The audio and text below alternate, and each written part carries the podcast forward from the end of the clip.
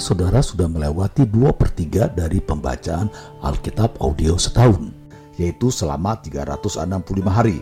Suatu pembacaan yang disesuaikan dengan jadwal rencana baca dari Back to the Bible Chronological Reading Bible. Tetap semangat untuk terus mendengarkan firman-Nya. Tuhan Yesus memberkati. Inilah mendengarkan firman Tuhan hari ke-237.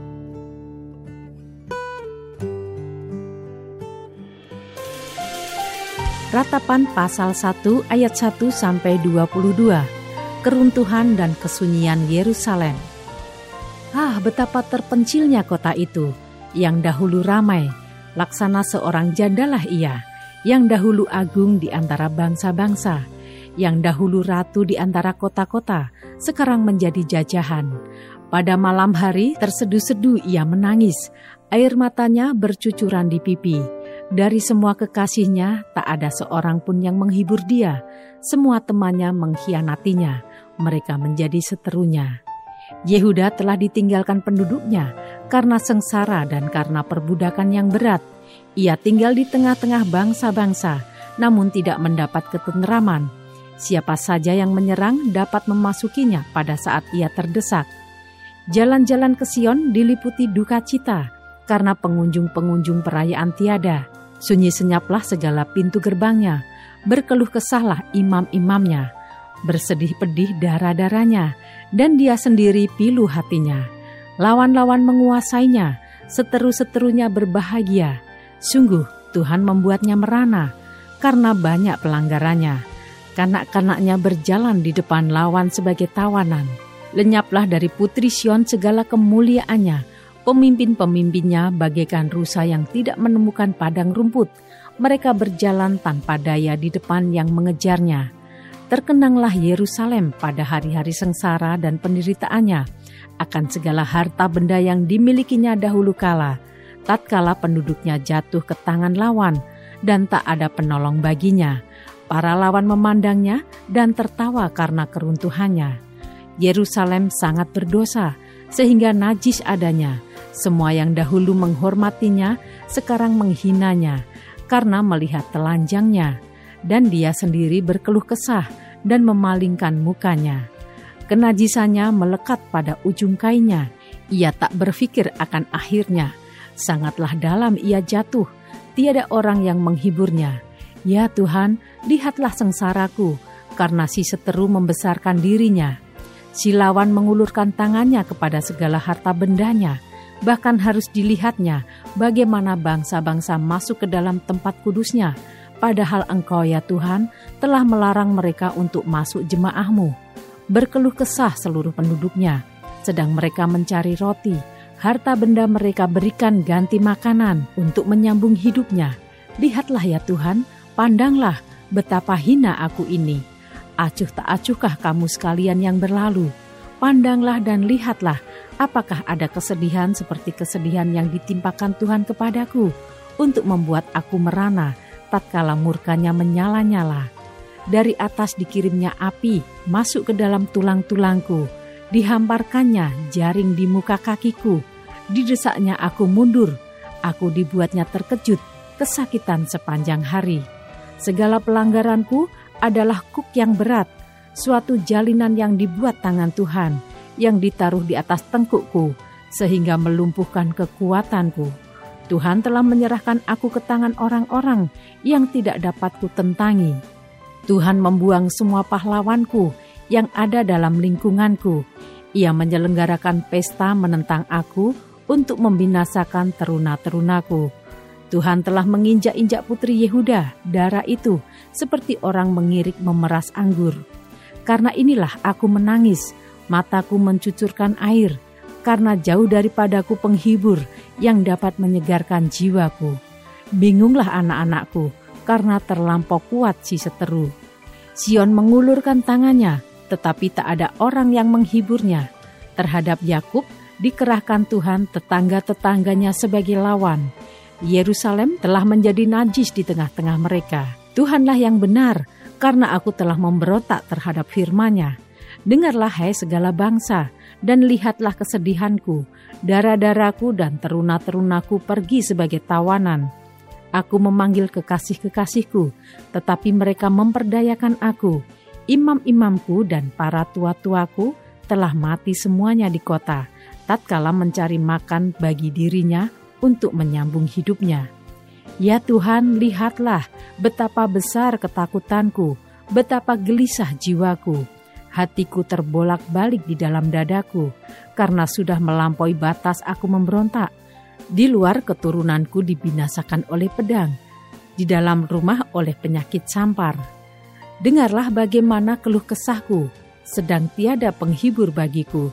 Seteru-seteruku mendengar tentang kecelakaanku. Mereka gembira karena engkau yang mendatangkannya. Datanglah kiranya hari yang telah engkau umumkan itu, dan biarlah mereka menjadi seperti aku, Biarlah segala kejahatan mereka datang ke hadapanmu dan perbuatlah kepada mereka seperti engkau telah perbuat kepadaku oleh karena segala pelanggaranku, karena banyaklah keluh kesahku dan pedih hatiku. Ratapan pasal 2 ayat 1 sampai 22. Murka Allah terhadap Sion. Ah, betapa Tuhan menyelubungi putri Sion dengan awan dalam murkanya keagungan Israel dilemparkannya dari langit ke bumi. Tak diingatnya akan tumpuan kakinya tatkala ia murka. Tanpa belas kasihan, Tuhan memusnahkan segala ladang Yakub. Ia menghancurkan dalam amarahnya benteng-benteng putri Yehuda. Ia mencampakkan ke bumi dan mencembarkan kerajaan dan pemimpin-pemimpinnya. Dalam murka yang menyala-nyala, ia mematahkan segala tanduk Israel menarik kembali tangan kanannya pada waktu si seteru mendekat, membakar Yakub laksana api yang menyala-nyala, yang menjilat ke sekeliling. Ia membidikkan panahnya seperti seorang seteru dengan mengacungkan tangan kanannya seperti seorang lawan, membunuh segala yang menyenangkan mata dalam kemah putri Sion, memuntahkan geramnya seperti api. Tuhan menjadi seperti seorang seteru, ia menghancurkan Israel, meremukkan segala purinya, mempuingkan benteng-bentengnya, memperbanyak susah dan kesah pada putri Yehuda. Ia melanda kemahnya seperti kebun, menghancurkan tempat pertemuannya. Di Sion Tuhan menjadikan orang lupa akan perayaan dan sabat dan menolak dalam kegeraman murkanya raja dan imam. Tuhan membuang mesbahnya, meninggalkan tempat kudusnya, menyerahkan ke dalam tangan seteru tembok puri-purinya Teriakan ramai mereka dalam bait Allah seperti keramaian pada hari perayaan jemaah. Tuhan telah memutuskan untuk mempuingkan tembok putri Sion. Ia mengukur semuanya dengan tali pengukur. Ia tidak menahan tangannya untuk menghancurkannya. Ia menjadikan berkabung tembok luar dan tembok dalam. Mereka merana semua. Terbenam gapura-gapuranya di dalam tanah Tuhan menghancurkan dan meluluhkan palang-palang pintunya. Rajanya dan pemimpin-pemimpinnya berada di antara bangsa-bangsa asing. Tak ada petunjuk dari Tuhan, bahkan nabi-nabi tidak menerima lagi wahyu daripadanya. Duduklah tertegun di tanah para tua-tua putri Sion. Mereka menabur abu di atas kepala dan mengenakan kain kabung. Darah-darah Yerusalem menundukkan kepalanya ke tanah mataku kusam dengan air mata, remuk redam hatiku, hancur habis hatiku karena keruntuhan putri bangsaku, sebab jatuh pingsan kanak-kanak dan bayi di lapangan-lapangan kota. Kepada ibunya mereka bertanya, mana roti dan anggur? Sedang mereka jatuh pingsan seperti orang yang gugur di lapangan-lapangan kota ketika menghembuskan nafas di pangkuan ibunya. Apa yang dapat kunyatakan kepadamu? Dengan apa aku dapat menyamakan engkau, ya Putri Yerusalem? Dengan apa aku dapat membandingkan engkau untuk dihibur, ya darah Putri Sion? Karena luas bagaikan laut reruntuhanmu, siapa yang akan memulihkan engkau? Nabi-nabimu melihat bagimu penglihatan yang dusta dan hampa. Mereka tidak menyatakan kesalahanmu guna memulihkan engkau kembali mereka mengeluarkan bagimu ramalan-ramalan yang dusta dan menyesatkan. Sekalian orang yang lewat bertepuk tangan karena engkau. Mereka bersuit-suit dan menggelengkan kepalanya mengenai putri Yerusalem. Inikah kota yang disebut orang kota yang paling indah, kesukaan dunia semesta. Terhadap engkau semua seterumu mengangakan mulutnya, mereka bersuit-suit dan menggertakkan gigi. Kami telah memusnahkannya, kata mereka. Nah inilah harinya yang kami nanti-nantikan, kami mengalaminya, kami melihatnya. Tuhan telah menjalankan yang dirancangkannya, ia melaksanakan yang difirmankannya, yang diperintahkannya dahulu kala, ia merusak tanpa belas kasihan, ia menjadikan si seteru senang atas kamu. Ia meninggikan tanduk lawan-lawanmu. Berteriaklah kepada Tuhan dengan nyaring, hai putri Sion. Cucurkanlah air mata bagaikan sungai siang dan malam. Janganlah kau berikan dirimu istirahat. Janganlah matamu tenang. Bangunlah, mengeranglah pada malam hari, pada permulaan giliran jaga malam.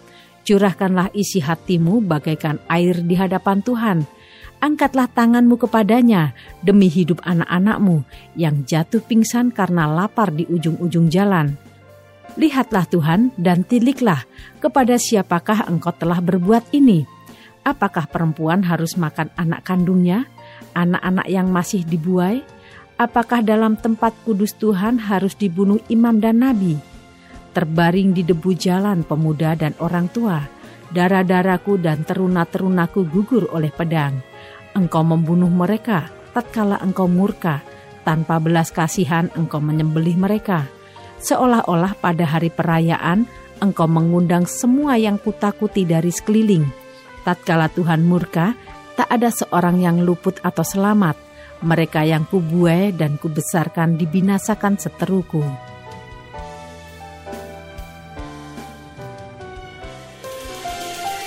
Ratapan pasal 3 ayat 1 penghiburan dalam penderitaan. Akulah orang yang melihat sengsara disebabkan cambuk murkanya. Ia menghalau dan membawa aku ke dalam kegelapan yang tidak ada terangnya. Sesungguhnya aku dipukulnya berulang-ulang dengan tangannya sepanjang hari. Ia menyusutkan dagingku dan kulitku, tulang-tulangku dipatahkannya. Ia mendirikan tembok sekelilingku, mengelilingi aku dengan kesedihan dan kesusahan ia menempatkan aku di dalam gelap seperti orang yang sudah lama mati.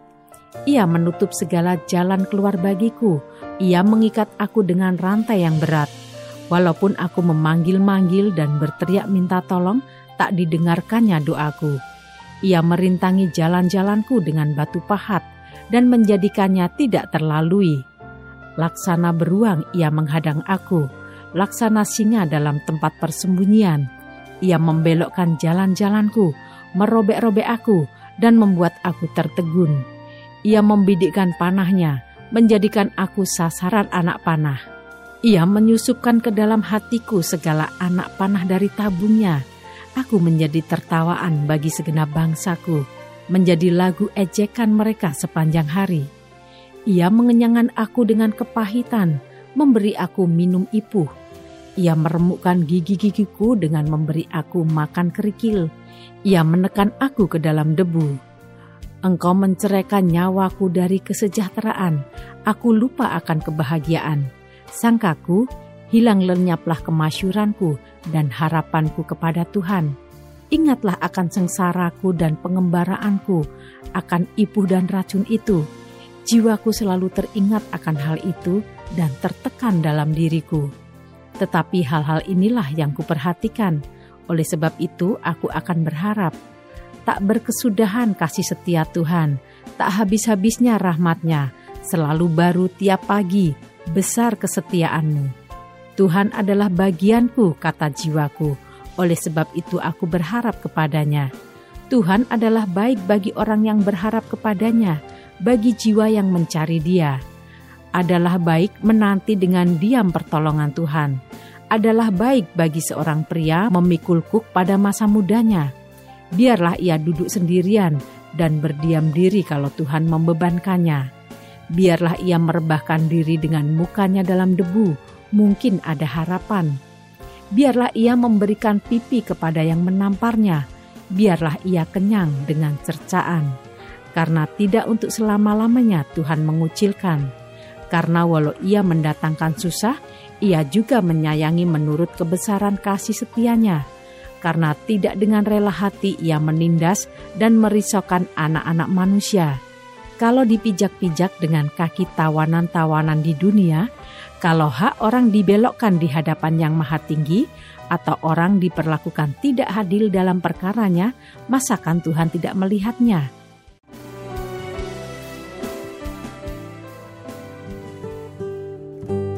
Tetap semangat, teruskanlah mendengarkan firman Tuhan. Sampai jumpa esok hari.